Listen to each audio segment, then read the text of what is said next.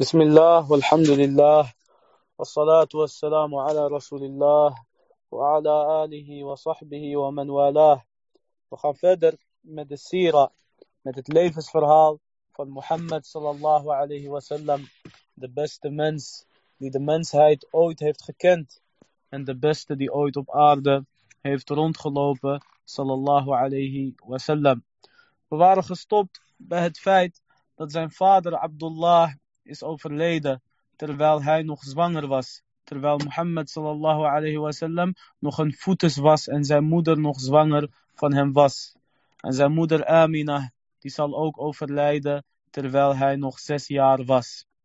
En zijn ouders zijn mushrikeen. Zijn ouders die waren niet op de islam, maar die waren op de religie van Quraysh.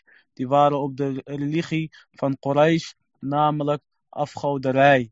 Het veelgoderij, het aanbidden van standbeelden en afgoden. Misschien dat iemand zegt, maar zij wisten toch helemaal niet wat de islam was. Dus waarom zijn zij mushrikeen? Of waarom zijn zij in het helle vuur? Het antwoord daarop is, het klopt dat Quraysh mushrikeen waren. Het klopt, zij waren veel, eh, veel aanbidders. Zij waren polytheïsten. Maar zij wisten wel wat het tawhid was. En zij wisten wel dat dit de religie was van hun voorvader Ibrahim salam. En er waren ook mensen onder hun die zouden oproepen tot het tawhid. Maar dit waren heel weinig mensen. Dit waren enkelingen uitzonderingen op de uitzonderingen. Maar dat is voldoende in de islam. Als één iemand tegen jou nu zegt als één iemand nu zegt tegen een mens, luister, de islam is de waarheid. En Mohammed sallallahu alayhi wasallam is de boodschapper. En wat jij doet is shirk. Klaar. Het bewijs is geleverd. Of diegene hier verder iets mee doet of niet, is aan hem of haar. Maar het bewijs is geleverd. En diegene heeft geen excuus meer tegenover Allah azawajal. Net als wanneer jij één keer zegt tegen een zieke, dit is een medicijn. Dit is een medicijn. Of diegene medicijn gebruikt of niet, is aan hem of haar. Maar diegene kan daarna niet meer zeggen, niemand heeft mij verteld dat er een medicijn is. Jawel, jij wist dat er een medicijn was. Alleen het is aan jou om onderzoek te doen en om moeite te verrichten. En dat is een kwestie van prioriteiten stellen. Wat is jouw grootste belang? Is jouw grootste belang het dunya? Net als de meeste mensen vandaag de dag dan zie je dat zij zich vooral bezighouden met de dunya. Het verzamelen van de dunya en vervolgens het uitgeven van het wereldse.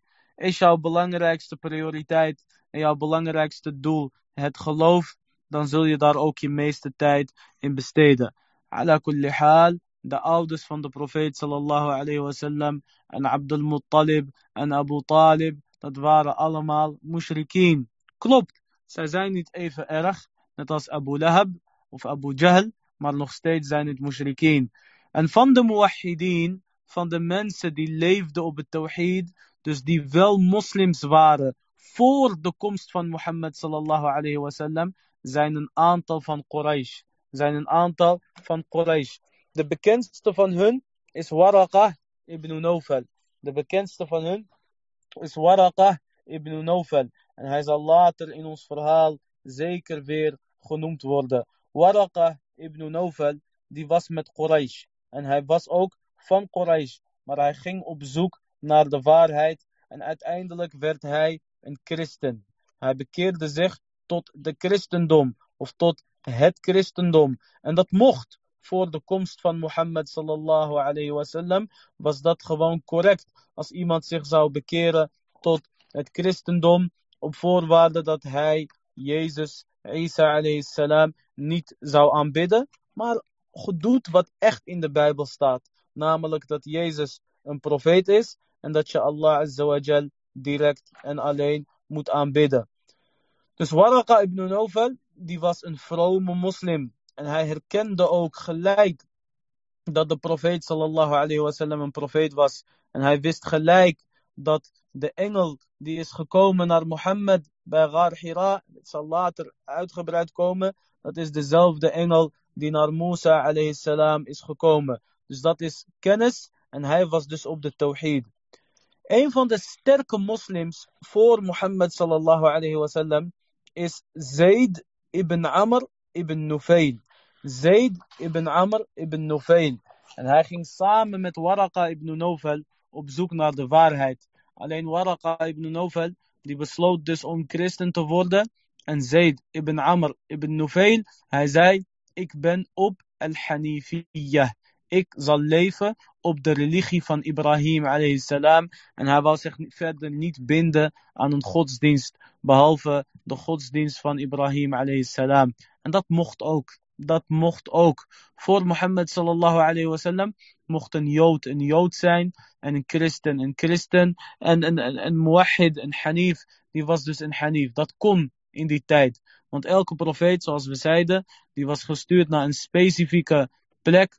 Of een specifieke tijd. Of een specifiek gemeenschap. Maar de islam is voor iedereen. Dus deze Zayd ibn Amr ibn Nufail, die was op het tawhid.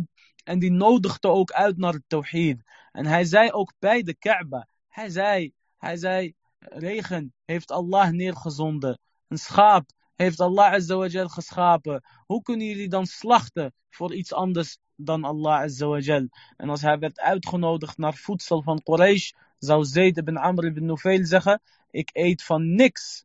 Ik eet niks op wat jullie hebben geofferd en geslacht voor iemand anders dan Allah azawajal. Dus hij wou haram eten, wou hij niet eten. Dit alles is voor de komst van Mohammed sallallahu alayhi wasallam. Dus je kan niet zeggen, je kan niet zeggen dat zij helemaal niks wisten over het tawhid. Zij wisten het wel, maar zij kozen ervoor om met de massa mee te gaan.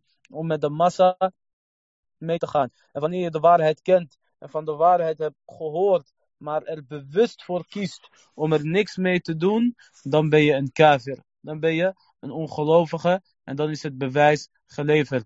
Dus voor de tijd van de profeet sallallahu alayhi wasallam wisten ze ook wat de waarheid was. En vooral de christenen die, die waren op de waarheid. En de, en de, en de ahnaf, de volgelingen van Ibrahim alayhi salam, die waren op de waarheid. De joden, als zij Isa alayhi salam accepteren, alhamdulillah, verlogenen zij Isa alayhi salam, dan zijn zij natuurlijk niet op de waarheid, et cetera, et cetera. Waar het mij nu om gaat, is dat de ouders van de profeet sallallahu alayhi wasallam bewust kozen voor een shirk. En daarom zijn zij ook mushrikeen. De profeet sallallahu alayhi wasallam die werd gevraagd door een van de Bedouinen. Waar is mijn vader? Waar is mijn vader? En de profeet sallallahu alayhi wasallam zei. Mijn vader en jouw vader zijn in het hele vuur. Mijn vader en jouw vader zijn in het hele vuur. En degene die zeggen hij bedoelde zijn oom, Abu Talib, etc. zijn allemaal woorden van de Sofia die ver verwijderd zijn van de waarheid. En ook in de Sahih, ook in uh, Sahih Muslim, de profeet sallallahu vroeg toestemming om dua te verrichten voor zijn moeder. En Allah gaf hem geen toestemming. Allah gaf hem geen toestemming om istighfar te vragen, om vergiffenis te vragen voor zijn moeder, Amina bint Wahb.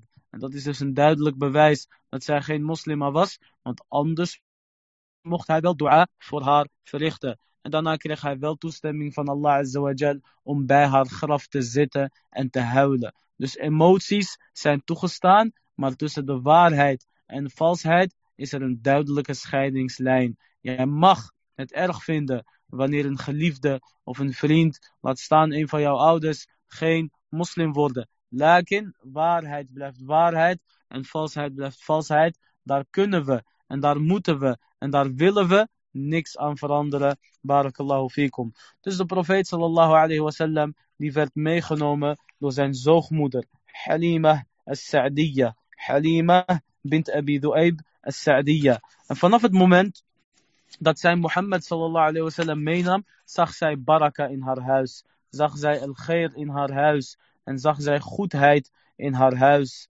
En na twee jaar is de tijd van bosvoeding voorbij. Na twee jaar is de tijd van bosvoeding voorbij. Want een baby kan maximaal twee jaar bosvoeding krijgen in de islam. Yani de complete borstvoeding is twee jaar. En het wordt ook zeer aangeraden om de bosvoeding te voltooien. Of door de moeder zelf, of door een zoogmoeder. Of door de moeder zelf, of door een zoogmoeder. Dat is veel beter dan kunstmatige melk en dan de andere zaken die we vandaag de dag zien. En subhanallah, een van de laatste hypes die weer is gaan herleven in Nederland, is dat er inderdaad zoogmoeders worden ingehuurd. En ze kopen ook daadwerkelijk melk van hun, melk wat is gekolfd. En daar bestaan nu allemaal sites en blogs over. De Arabieren kenden dit al 1400 jaar geleden. Het was of de moeder gaf borstvoeding, of er werd een zoogmoeder ingehuurd. En daar is dus helemaal niks mis mee. Ala kulli hal. De profeet sallallahu alayhi wasallam die was twee jaar bij Halima. En Halima zag de baraka van de profeet, de zegeningen, vermeerderen, vermeerderen, vermeerderen. Na twee jaar moest zij Mohammed sallallahu alayhi wasallam teruggeven aan zijn moeder Amina.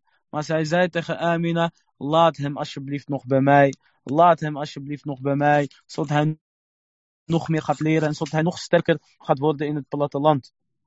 En Amina, die ging daarmee akkoord. Amina, die ging daarmee akkoord. En zo bleef Mohammed sallallahu alayhi wasallam nog langer bij Halima. En zo kon Halima nog langer genieten van de baraka van de profeet sallallahu alayhi wasallam. Tot op een dag, tot op een dag dat de profeet sallallahu alayhi wasallam aan het spelen was met de kinderen buiten. En er kwamen twee mannen. En er kwamen twee mannen. Zij leken op mannen, maar zij waren eigenlijk geen standaard mannen, net als wij. Dit waren edele engelen. Dit waren edele malaika. En de hadith staat onder andere in Sahih Muslim. De profeet, daarin staat dat Anas radiallahu anhu zei. De profeet sallallahu alayhi wasallam, die werd bezocht door Jibril. Jibril die kwam naar de profeet sallallahu alayhi wasallam. Terwijl hij aan het spelen was met de kinderen. En Jibril die pakte hem en hij sneed zijn borstkas open. Hij sneed zijn borstkas open en hij haalde zijn hart eruit. Hij haalde zijn hart eruit en bij zijn hart was er een zwart draadje. Bij zijn hart was er een zwart draadje en Jibril die zei, dit is het aandeel van de duivel bij jou. Dit is het aandeel van de duivel bij jou. En daarna vaste Jibril alayhi salam het hart van de profeet sallallahu alayhi wasallam in een gouden bord met water van Zemzem. Hij waste het hart van de profeet sallallahu alayhi wasallam met Zemzem water in een gouden bord. Zo werd Mohammed sallallahu alayhi gereinigd vanaf jongs af aan en werd hij klaargemaakt voor het profeetschap en voor het hebben van alle goede eigenschappen. De kinderen die zagen dit gebeuren. De kinderen die zagen dit gebeuren. En zij renden naar hun zoogmoeder. Zij renden naar hun zoogmoeder Halima. En zij zeiden tegen haar: Mohammed is vermoord. Mohammed is vermoord. En zij kwamen terug. Zij zochten de profeet sallallahu alayhi wasallam op. En hij was niet vermoord. Zijn borstkas was weer dicht. Alleen hij zag er wel heel bleekjes uit. Hij zag er wel heel bleekjes uit. Hè? Wanneer je net geschrokken bent, dan zie je er nou eenmaal iets bleekjes uit. En dit is niet niks wanneer je dit als een kleine jonge jongen meemaakt. En Mohim, toen Halima dit meemaakte, bracht zij hem gelijk terug naar Amina. Zij bracht hem gelijk terug naar Amina. En Amina bint Wahb, de moeder van de profeet sallallahu alayhi wasallam, die zei, wat is er met jou? Wat is er met jou aan de hand? Eerst wou jij hem niet teruggeven en nu wil je hem opeens wel teruggeven. En Halima die zei, nee, er is niks aan de hand. Ik ben gewoon klaar en hier is uh, jouw kind. Amina zei, nee, er is wel iets. En jij gaat mij vertellen wat er aan de hand is. En zij vertelde haar dit verhaal. Wat ze niet zelf heeft gezien, maar wat ze heeft gehoord van de kinderen. En Halima die vertelde dit verhaal aan Amina. Amina was totaal niet onder de indruk. Amina was totaal niet onder de indruk. En zij zei dat zij al bijzondere zaken had meegemaakt sinds dat zij zwanger was van de profeet sallallahu alayhi wasallam. En dat zij weet dat dit kind een bijzonder kind wordt. En zo kwam de profeet sallallahu alayhi wasallam terug bij zijn moeder Amina bint Wahb. Alleen heeft dit ook niet lang mogen duren. Op zijn zesde stierf de moeder van de profeet sallallahu alayhi wasallam. Dus hij was al weeskind omdat hij is geboren zonder vader.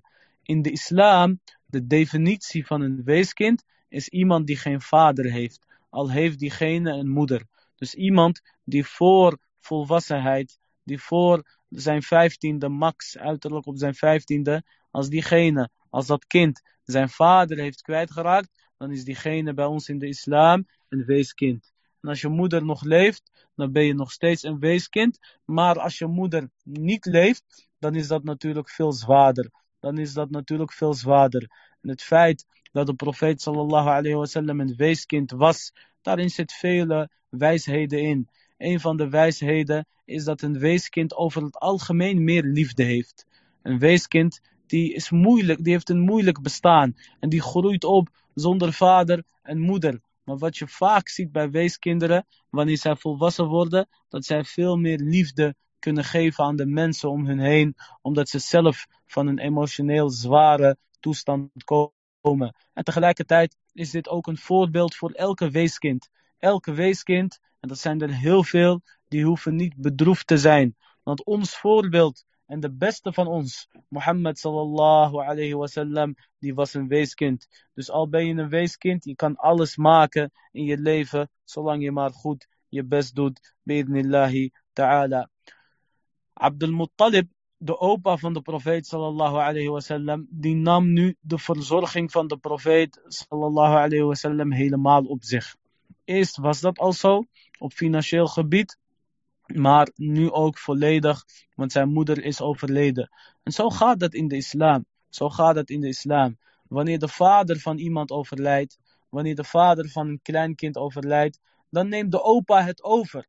Wat gebeurt in Nederland, dat het volledig aan de moeder wordt overgedragen en dat het ook volledig aan de moeder wordt overgelaten. Dat is fout in de islam. Dat is fout in de islam. De opa van dat kind, die moet zijn verantwoordelijkheid nemen. Want de kinderen van zijn zonen, de kinderen van zijn zonen, dat zijn net als zijn directe kinderen. Kijk, wanneer het de kinderen zijn van zijn dochters, dan dient hij nog steeds goed te zijn. Maar die hebben dan een eigen opa via vaders kant. En dat is dan direct net als hun vader. Net als de regels van de wilaya. Stel voor een vrouw wil trouwen en haar vader is overleden. Wie is dan haar wali? Haar opa.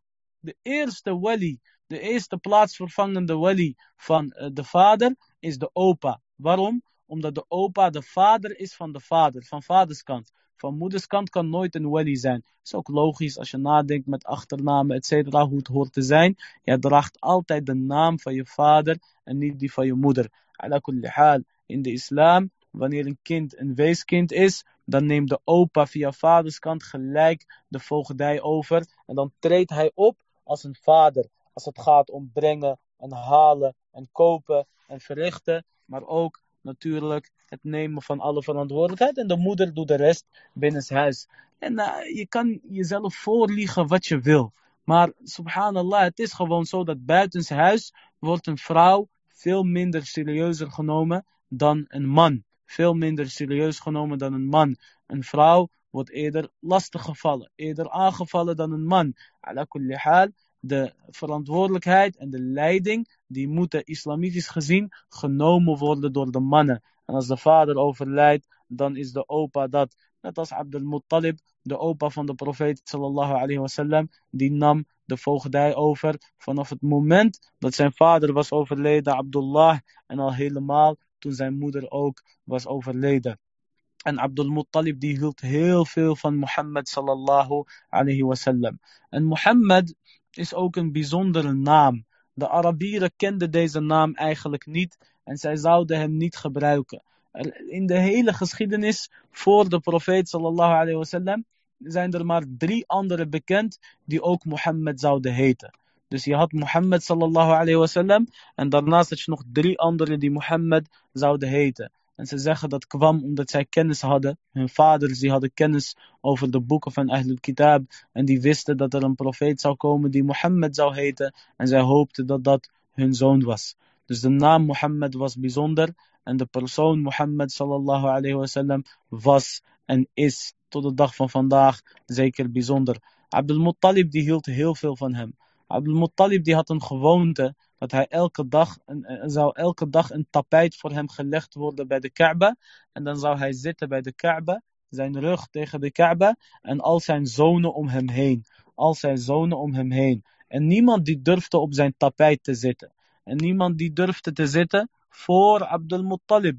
Behalve Mohammed sallallahu alayhi wasallam. Die zou wel op de tapijt, op het tapijt van zijn opa zitten. En hij was de meest geliefde bij zijn opa. En als zijn ooms hem probeerden tegen te houden, dan zou Abdul Muttalib zeggen, laat hem, laat hem. Dus hij was de meest geliefde, het meest geliefde kleinkind bij de profeet sallallahu alayhi wasallam. Simpelweg omdat hij ook de beste akhlaq had. Omdat hij ook de beste akhlaq had. Op zijn achtste, toen de profeet sallallahu alayhi wasallam acht jaar was, verloor hij ook zijn opa. Verloor hij ook zijn opa, Abdul Muttalib. Degene die altijd voor hem zorgde en beschermde. De leider van Quraysh de leider van Quraysh, Abdul Muttalib, een van de meest edele mensen onder Quraysh, die was gestorven. En de voogdij van de profeet sallallahu alayhi wasallam ging over naar Abu Talib. Ging over naar Abu Talib, de vader van Ali radiyallahu anhu. De vader van Ali ibn Abi Talib, Abu Talib, die werd dus een van de leiders van Quraysh. En die werd ook de verantwoordelijke voor Mohammed sallallahu alayhi wasallam. Wat betreft het schenken van Zemzem, wat betreft het schenken van Zemzem aan de Hujjaj, aan de bedevaartsgangers tijdens het Hajj, dat werd toevertrouwd aan al-Abbas. Dat werd toevertrouwd aan al-Abbas en dat is zo tot de dag van vandaag. Tot de dag van vandaag zijn de verantwoordelijken over Zemzem een van de nakomelingen van al-Abbas. En zij worden Banu al-Abbas genoemd. Zij worden Banu al-Abbas genoemd.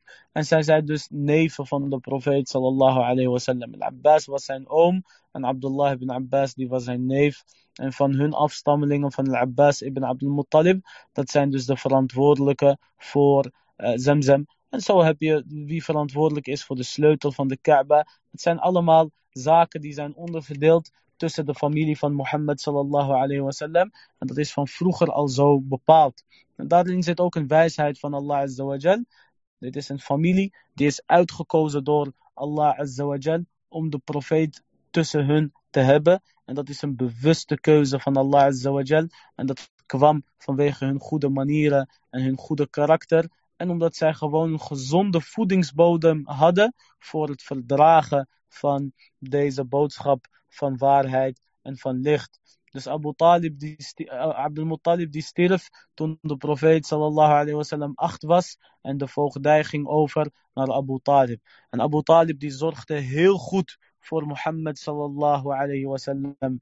En hij plaatste hem boven zijn eigen kinderen. Hij gaf hem eerder en hij gaf hem meer dan zijn eigen kinderen, ondanks dat hij veel kinderen had. En Abu Talib was dus een vooraanstaande van Quraysh. En hij was ook een grote dichter. Hij was ook een grote dichter. En hierover later meer. En hij heeft veel geleden omwille van Mohammed sallallahu alayhi wasallam. Ondanks dat hij nooit la ilaha illallah heeft gezegd. Abu Talib die weigerde tot aan het laatste moment in zijn leven om la ilaha illallah te zeggen. Maar hij heeft wel veel geleden omwille van de profeet. Waarom? Het was toch zijn neefje. Het was de zoon van zijn broertje. En hij voelde zich hier verantwoordelijk voor. Dat is mooi, maar nog mooier is wanneer je de waarheid ziet. Dat je deze omarmt. En dat je niet alleen kijkt naar familiebanden, etc. Abu Talib, die voedde de profeet sallallahu alayhi wasallam op. En een van zijn taken is dus dat hij de profeet sallallahu leert hoe hij voor zichzelf kan zorgen. Hoe hij dus een handelaar kan worden. Dat is een stukje oefening en training die wij vaders verschuldigd zijn aan onze kinderen. Of je hun nou een vak leert, of je hun nou leert hoe je een onderneming moet runnen, etc. Of je hun nou een goede studie laat volgen. Dit zijn allemaal verantwoordelijkheden van vaders die zij hebben tegenover hun zonen. Abu Talib die nam hem mee op reis. Abu Talib die nam de profeet sallallahu alayhi wasallam mee op reis naar Syrië. En met hem was waren er een aantal mannen van Quraysh. Een aantal grote mannen van Quraysh. Onderweg naar Syrië, onderweg naar Asham, het Levant, stopte zij bij een rahib. Stopte zij bij een plek waar een monnik was. En deze monnik heette Buhaira. Deze monnik heette Buhaira. En deze monnik die zat altijd in zijn tempel. Hij zat altijd in zijn tempel En hij kwam nooit naar buiten en hij gaf deze Arabieren nooit aandacht. Hij gaf hun nooit aandacht. Maar op dit moment, op dit moment, toen Mohammed sallallahu alayhi wasallam meekwam, ging hij gelijk naar hun toe, terwijl zij nog hun spullen aan het uitpakken waren. En hij zei tegen hun, kom bij mij slapen, kom vannacht bij mij slapen, want in de avond is er hier een leeuw. In de avond is er hier een leeuw. En hij zei, iedereen moet mee naar binnen. En iedereen is welkom voor een avondmaaltijd. En zo was Quraysh dus te gast bij deze monnik. Die heette Buhaira. En iedereen ging mee. Maar zij lieten Mohammed sallallahu alayhi wasallam. Zij lieten Mohammed sallallahu alayhi wasallam op de kamelen passen en op de spullen passen.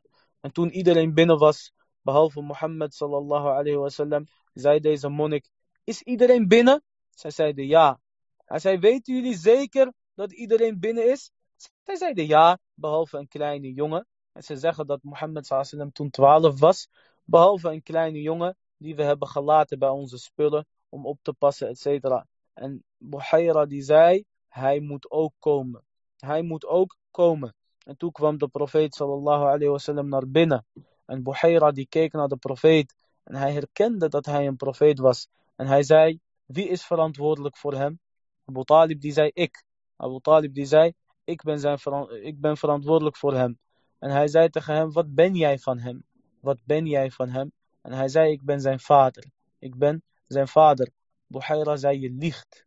Je liegt. Zo iemand heeft geen vader. Hij zei, dat klopt. Ik ben zijn oom. Dit is wat staat in de geschiedenisboeken. Wat staat in Sahih al-Bukhari. Want dit verhaal staat ook in Sahih al-Bukhari. De kern van dit verhaal staat in Sahih al-Bukhari en in andere hadithboeken. Wat staat en wat zonder twijfel is gebeurd, is dat uh, Buhaira zei tegen Abu Talib, mag ik kijken op zijn rug? Mag ik kijken naar zijn rug? En hij keek naar zijn rug en hij zag daar de zegel van profeetschap. De zegel van profeetschap bij de profeet was een stukje klomp tussen zijn schouderbladen. Een stukje, een klompje vlees eigenlijk. Een klompje vlees tussen zijn schouderbladen. En daardoor herkenden de rabbijnen en de priesters dat dit de profeet was. En hij zei tegen Abu Talib, luister, sinds dat jij bent gekomen, sinds dat jij bent gekomen, volgt jullie een volk. Volgt jullie een volk. En wanneer jullie stoppen, dan stopt deze wolk ook. Dus hij zag aan de hand van, van de wolken, zag hij dat er hier een bijzonder persoon tussen hen moest zijn. En in sommige boeken staat ook dat Buhaira zei, en Mohammed die heeft gezeten bij een boom.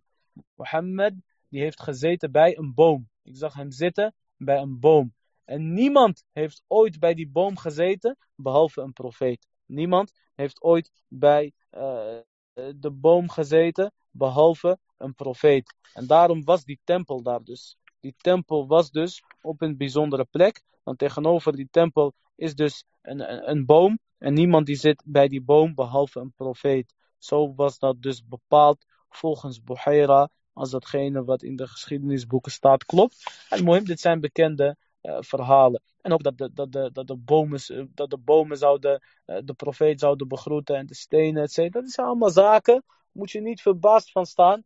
Want dit is geen normaal persoon. Dit is Mohammed, Rasulullah, sallallahu alayhi wasallam.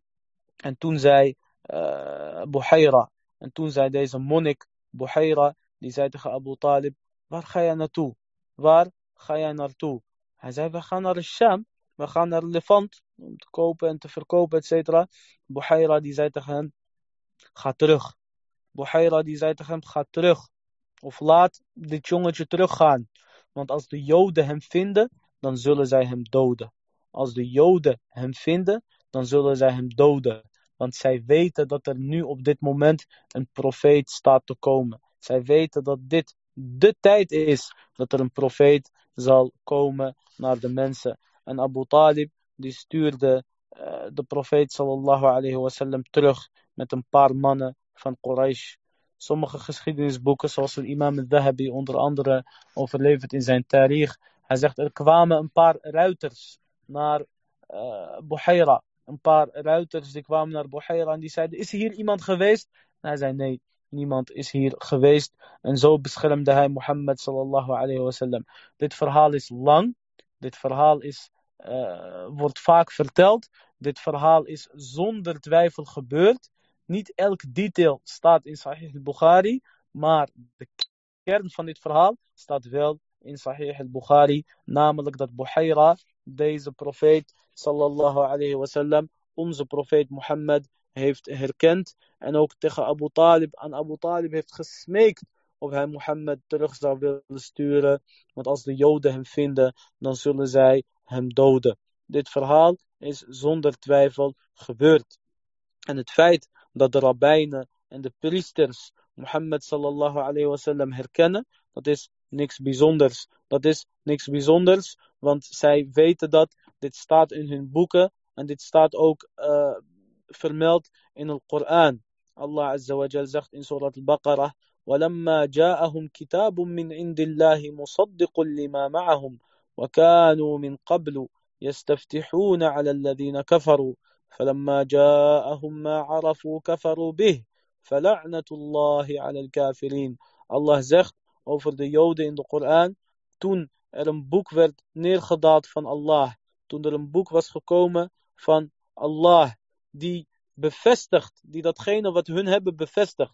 De Koran bevestigt dat de Torah ook van Allah is. En dat de Torah oorspronkelijk ook de waarheid is. Allah zegt, وَكَانُوا مِنْ قَبْلُ يَسْتَفْتِحُونَ عَلَى الَّذِينَ كَفَرُوا En van tevoren zouden de Joden zeggen tegen de ongelovigen, wacht maar, binnenkort, binnenkort komt de overwinning. Dus het, de Joden je moet het niet bijzonder vinden dat de rabbijnen en de priesters de profeet zouden herkennen, want zij hebben nou eenmaal kennis.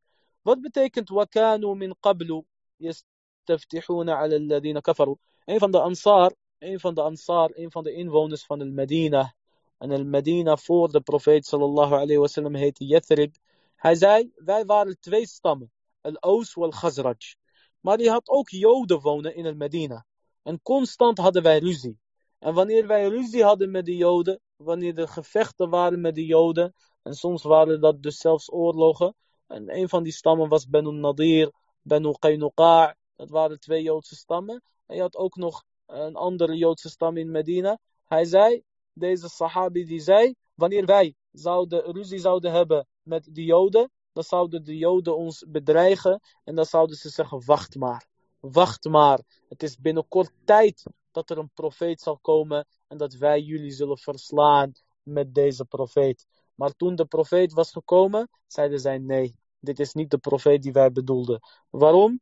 Uit hoogmoed, uit arrogantie, uit jaloezie, omdat deze profeet Mohammed sallallahu alayhi wasallam een Arabier is. En de Joden die wouden per se een profeet van Benu Israël. Maar het is Allah die kiest van waar deze profeet komt en niet wie van zijn schepping dan ook. Dus de Joden die hadden duidelijke tekenen en de christenen die hadden duidelijke tekenen en die wisten wie de profeet was. In de Torah, in de Torah staat bijvoorbeeld Ja ayyuhan nabiyyu inna arsalnaka shahidan wa mubashiran wa hirzan lil ummiyin أنت عبدي ورسولي سميتك المتوكل ليس بفظ ولا غليظ ولا صخاب في الأسواق in de Torah staat dat Allah zegt over Mohammed dat hij hem heeft gestuurd, gestuurd aan de analfabeten. En dat waren de Arabieren. Zij waren analfabeten. Zij konden niet lezen,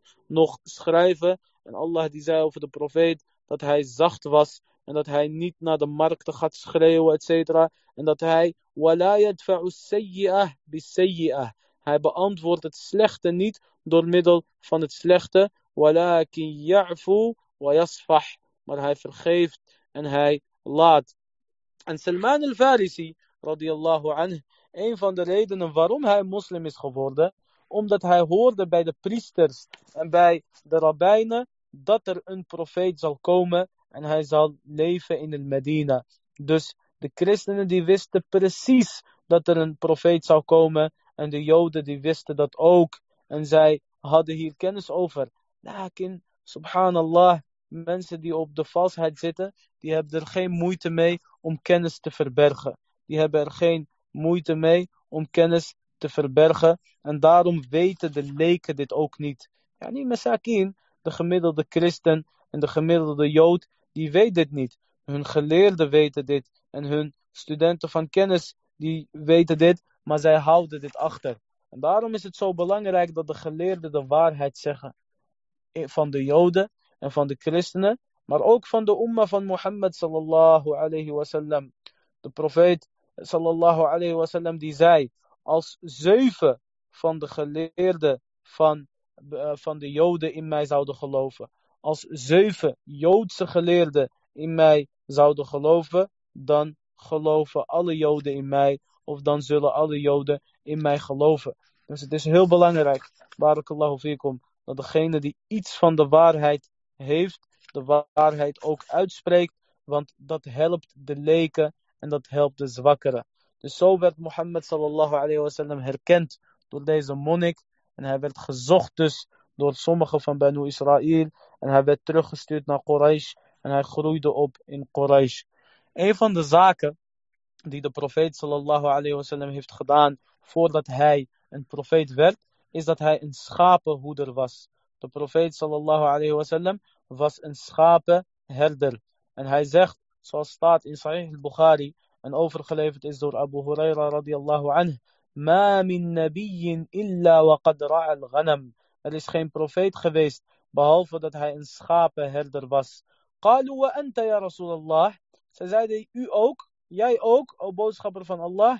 Hij zei, ja, ik zou de, de, schapen herden, ik zou de schapen hoeden van Quraysh voor een, een, een beetje beloning. En niet voor een, een, een, een, een uh, gedeelte van een dinar, van een gouden muntstuk of van een dirham. En niet voor een klein bedragje zou de profeet sallallahu alayhi wasallam schapen hoeden. De geleerden zeggen, het feit dat elke profeet een schapenherder is geweest, hierin zit een grote wijsheid in van Allah azawajal. Want een herder, die is verantwoordelijk voor zijn kudde. En wanneer een herder zijn kudde neemt om te grazen, dan ontdekt de herder al gauw, deze schapen zijn niet hetzelfde. Sommige zijn sterk, sommige zijn zwak, sommige zijn snel, sommige zijn langzaam, sommige zijn jong en sommige zijn oud. En je merkt ook dat de schaap die wordt opgegeten door de wolf of het kleine lammetje is, of de schaap die besluit om alleen te lopen zonder de kudde. En de herder die moet dit allemaal regelen. De herder die moet dit allemaal regelen. Dus soms is hij voor, soms rechts, soms links, soms achter. En dit alles leert je dus hoe je met deze kudde om moet gaan. En dit is vergelijkbaar met de mensen. Mensen zijn ook niet allemaal hetzelfde. Je hebt ouderen, je hebt jongeren, je hebt sterke, je hebt zwakkere, je hebt rijke, je hebt armen. En iedereen heeft maatwerk nodig. Sommige zaken zijn mensen gewoon anders en verdienen ze ook een andere behandeling. En wanneer een profeet een herder was, voordat hij een profeet werd, dan had hij dus al ervaring en begrip hoe je met verschillende soorten mensen moet omgaan. Net als hoe je met verschillende soorten dieren moet omgaan. Dit was dus een hikma van Allah Azza. En het feit dat, dat het hart van de profeet sallallahu alayhi werd gewassen in een gouden bord. Dit is iets wat zal, nog een keer zal gebeuren. Dit is iets wat nog een keer zal gebeuren tussen al-Isra of bij al-Isra wal-Mi'raj. Alleen hier eh, haalde Jibril alayhi salam een zwart draadje weg. Yani een, een zwart stukje, uh, soort van bloederig draadje, haalde hij weg van het hart van de profeet sallallahu alayhi wasallam. En we weten dat de duivel door onze bloedaderen stroomt. Door onze bloedaderen stroomt. En elke mens heeft dit. Zelfs de profeet sallallahu alayhi wasallam had dit. Maar Jibril alayhi salam heeft het weggehaald. Hierin zijn twee duidelijke lessen uit te halen. Allereerst, wij kunnen nooit zijn net als de profeet sallallahu alayhi wasallam. Hoe hard we onze best ook doen. Want Mohammed sallallahu alayhi wasallam is, is geholpen door Allah. Dus hij had ook geen last van waswas die wij soms hebben, gedachten om een zonde te verrichten, etc. De profeet sallallahu alayhi wasallam had daar totaal geen last van, omdat Allah hem heeft beschermd door dit soort zaken en door andere zaken. Ten tweede, wat we hieruit leren, is dat de shaitaan ons allemaal probeert gek te maken. En dat we allemaal iets in ons hebben waardoor de shaitaan probeert in te fluisteren. En dit moeten we zoveel mogelijk afremmen. Dit moeten we zoveel mogelijk afremmen. En dat is wat we doen. En dat is waar we onszelf op trainen. Door de maand Ramadan te vasten, barakallahu fikum. Namelijk het afremmen van jezelf. Het trainen en het afremmen van jezelf. Dus probeer dit vol te houden. En probeer dit door te zetten. Na de Ramadan. Door onder andere bijvoorbeeld de maandag en de donderdag te vasten. Of de, de drie witte dagen, de 13e, 14e, 15e. Je breekt je ego, je breekt je lusten en je breekt hiermee de duivel. Mogen Allah hem breken. Een van de zaken die is gebeurd, wat belangrijk is om te weten, dat je het hebt gehoord, voordat de profeet sallallahu alayhi wasallam uh, een profeet werd, is dat hij mee heeft gedaan aan een oorlog. Dat hij mee heeft gedaan aan een oorlog van zijn volk. En dat noemen ze Harb al-Fijar. Dat noemen ze Harb al-Fijar. Dit oorlog was uh, tussen Quraysh. En Quraysh werd geholpen door Kinana, een andere Arabische stam. En dat was tegen Qais ibn Aylan en andere stammen. Zij hebben gevochten. Alleen het probleem was dat deze oorlog heeft plaatsgevonden in de heilige maanden. En dit is een grote zonde. In de heilige maanden, Dhul Hijjah, Dhul Qa'da, uh, Rajab, etc. Vier heilige maanden in het jaar. Daarin mag er geen oorlog gevoerd worden. Daarin mocht er geen oorlog gevoerd worden. En de kuffar die wisten dit. De mushrikeen die wisten dit. Shawwal, Dhul Qa'da, Dhul Hijjah en, en Rajab. Deze zaken, of in deze maanden, mocht er geen oorlog gevochten worden. Mocht er niet gevochten worden. Wie dat wel deed, die was bij hun, uh, die was bij hun zondag. Dus in deze maanden was iedereen veilig. Afwan, ik zei Shawwal. Het is Dhul en Dhul en Muharram. Deze drie achter elkaar. Dhul Qa'da, Dhul Hijjah en Muharram.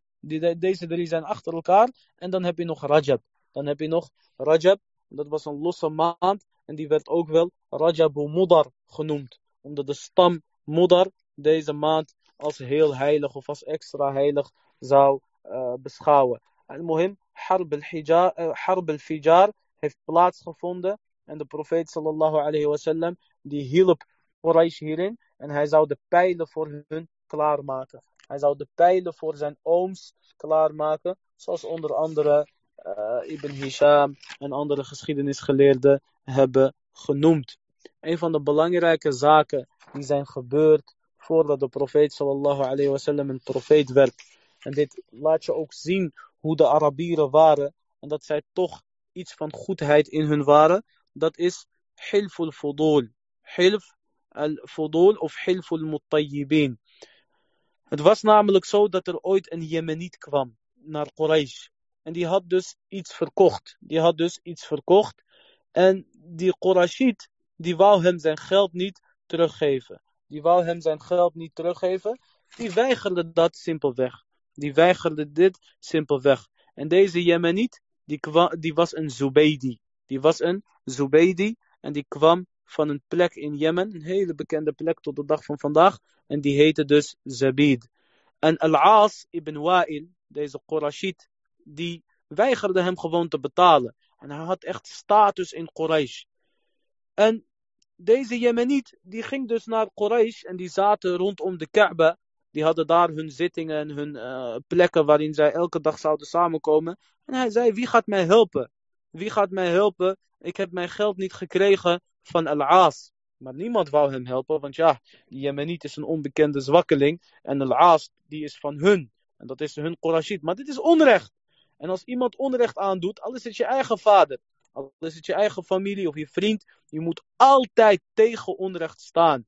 En toen deze Zubaydi zag dat niemand hem uh, wou helpen, ging hij staan op een berg. Ging hij staan op een hele bekende berg, uh, Jabal Abi Qubais. En hij zei bekende dichtverzen. Hij zei, Ja ala fihrin, li mazlumin bida'atahu ببطن مكة ناء الدار والنفر ومحرم أشعث لم يقض عمرته يا للرجال وبين الحجر والحجر إن الحرام لمن إن الحرام لمن تمت مكارمه ولا حرام لثوب الفاجر الغدر المهم hij zei tegen hun, yani, kijk, ik ben Umrah komen doen en ik ben gekomen naar Mekka, naar de heilige plek. Wie gaat mij helpen? En hij vertelde dus, hij dichtte dus met deze dichtverzen. En dit had effect op de mensen. Want gedichten hebben nou eenmaal op een andere, vele mooiere manier uh, effect.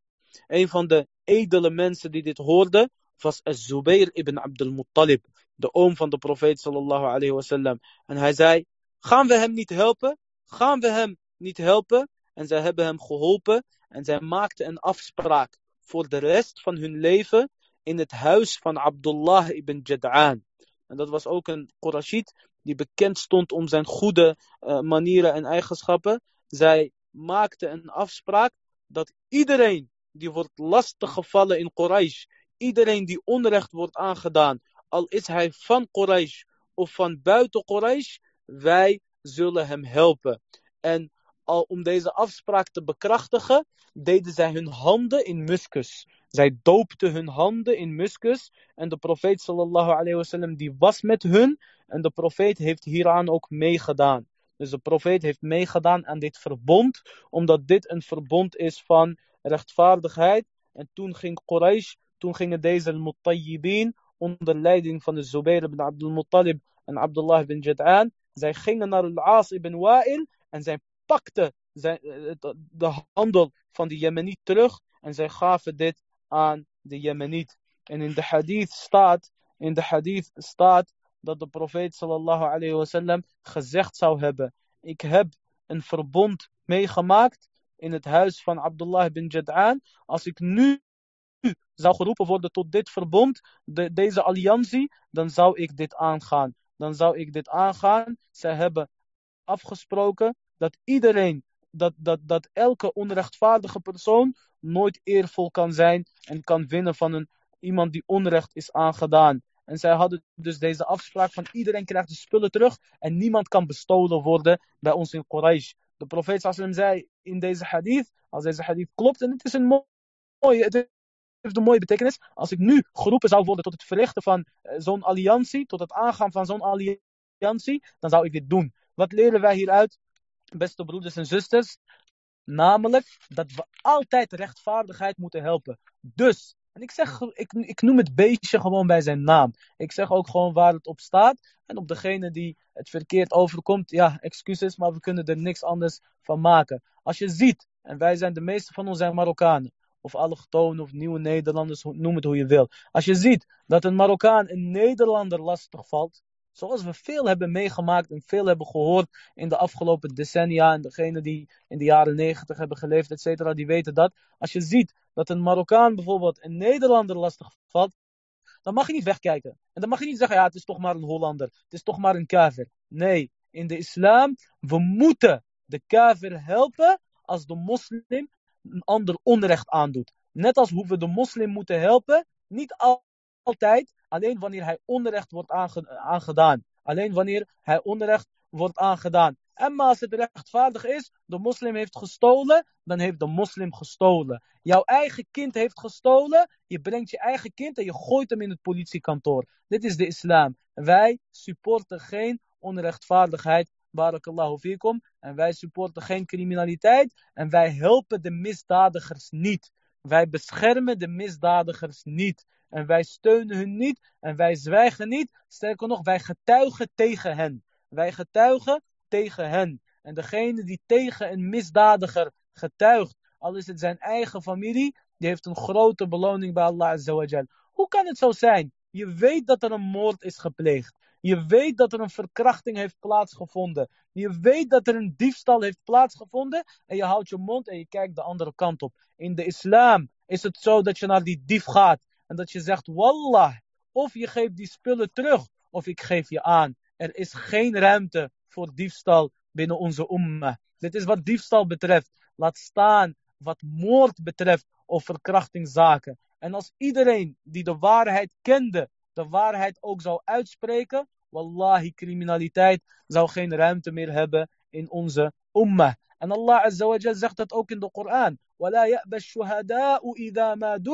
Als de getuigen worden opgeroepen, dan moeten zij niet weigeren. Dus jij moet de waarheid getuigen. En jij moet al-haq supporten. En jij moet onrecht bestrijden in hoeverre jij kan. En vooral wij mannen, al moet dit met onze handen, al moet dit ten koste van jouw eigen belangen, dan moet dit gedaan worden. En Quraysh deed dit zelfs in de Jahiliyyah. Niet iedereen van Quraysh, maar deze nobele mensen van Quraysh, Hilf al-Muttayyibin, en onder hun was Mohammed sallallahu alayhi wasallam.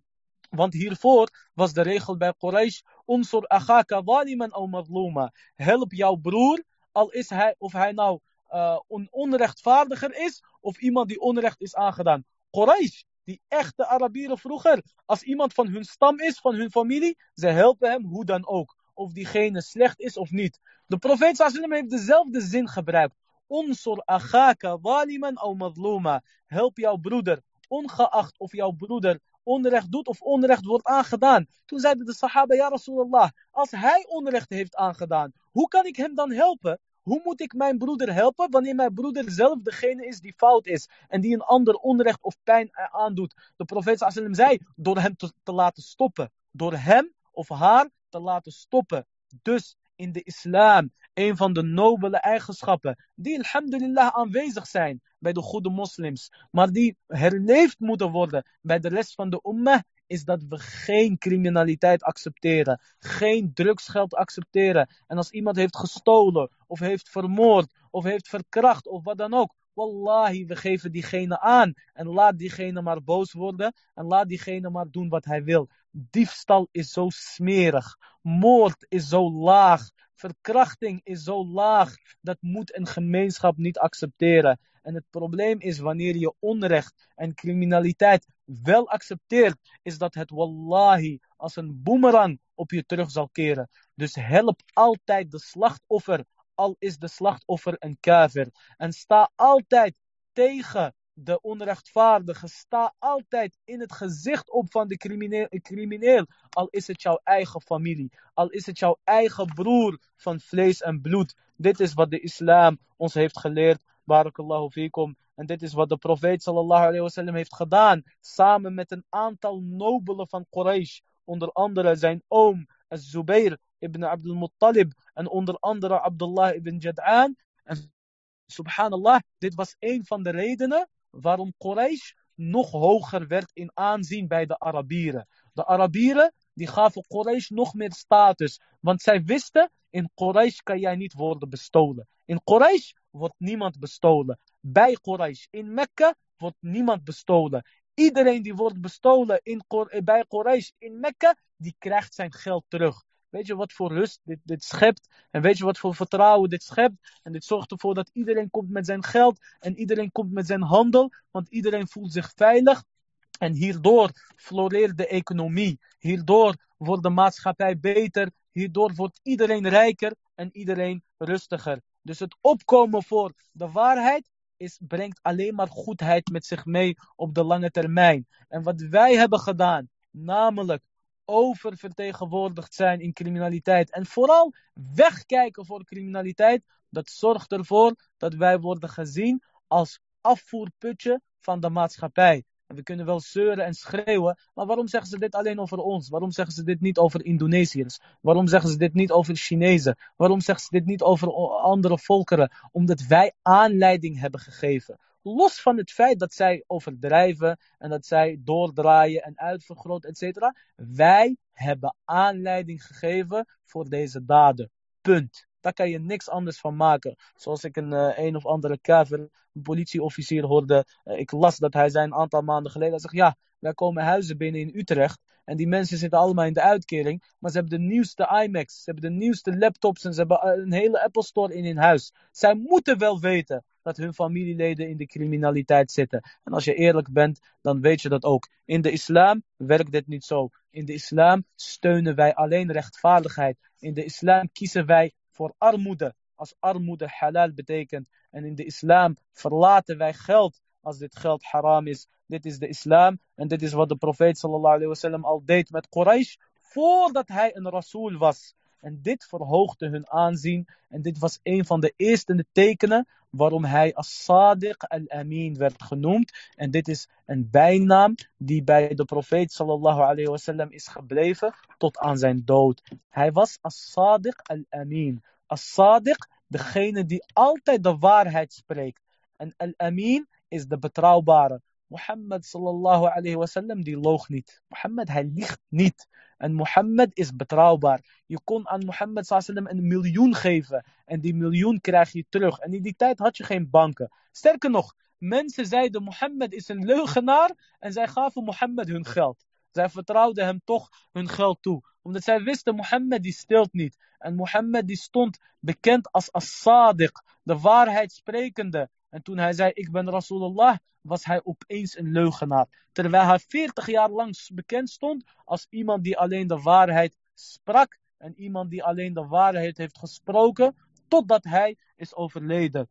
Wat leren we hieruit, beste broeders en zusters? Want wij noemen deze sira op om iets van te leren. Wat wij hiervan leren, is dat wanneer jij gewoon bekend staat om jouw goede akhlaaq, wanneer jij principes hebt, wanneer jij karakter hebt, jij spreekt altijd de waarheid, jij liegt niet, jij bedriegt niet. Als mensen dit van jou weten, dan zullen ze ook de waarheid van jou accepteren. Wanneer jij adviseert, dan accepteren ze dit ook. Maar ook wanneer je ruzie hebt. Ook wanneer je boos wordt. Jij bent iemand die nooit boos wordt. En wanneer je wel boos wordt, dan weten mensen van ja, er is wel iets heel ergs gebeurd waarom jij boos bent geworden. En jij, maakt, jij, jij liegt nooit. Wanneer jij zegt, diegene is een slecht persoon. En mensen hebben jou uh, meegemaakt. En ze weten, jij zegt altijd de waarheid. Al is het in moeilijke situaties, zeg je altijd de waarheid. Als jij dan spreekt over iets of iemand, mensen accepteren dit van jou. Dus zeg altijd de waarheid, barakallahu fikum. Want dit was een belangrijke eigenschap die Allah heeft gegeven aan Mohammed sallallahu alayhi wasallam. Voordat hij überhaupt een profeet was. Allahumma salli wa sallim alayh. Hij was dus as-sadiq al-amin. Hij was dus as-sadiq al-amin. Inmiddels is de profeet sallallahu alayhi wasallam 25 jaar geworden. Inmiddels is de profeet sallallahu alayhi wasallam 25 jaar geworden. En net als iedereen van Quraysh, net als iedereen van Quraysh, was hij een handelaar. Hij was een handelaar. En hij stond bekend om zijn betrouwbaarheid en om zijn eerlijkheid, zoals we net zeiden. Er was ook een vrouw in Quraysh en zij heette Khadija. Khadija bintu Khuwaylid. Dat was een zakenvrouw. Zij had het goed. Ze had het heel goed en zij was een hele rijke vrouw. Zij was eerder getrouwd geweest en haar man was overleden of wat dan ook. En moeim, zij was een weduwe. En zij had een slaaf, zij had een knecht, die heette Meisarah. En die, zou dus, die was haar zakenwaarnemer. Die zou dus haar uh, zaken waarnemen en haar handel verlichten. Alleen, zij zocht dus iemand, zij zocht een soort agent die haar belangen goed zou kunnen uh, behartigen en haar handel zou kunnen verkopen, alsof dat dus van hem was.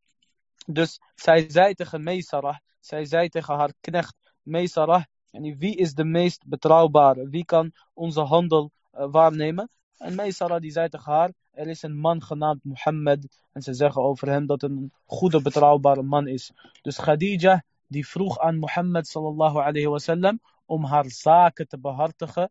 En deze zaken voor haar te doen namens haar. En dan wordt de winst gedeeld. Dit is een bekende vorm van handel. Dat wanneer een, een rijk persoon die veel geld heeft en die heeft niet tijd om al zijn geld te, te, te, te laten werken, te laten draaien, dat diegene soms gebruik maken van agents en dan zegt van hier, dit is handel, dit is geld, investeer het en doe ermee wat je wil.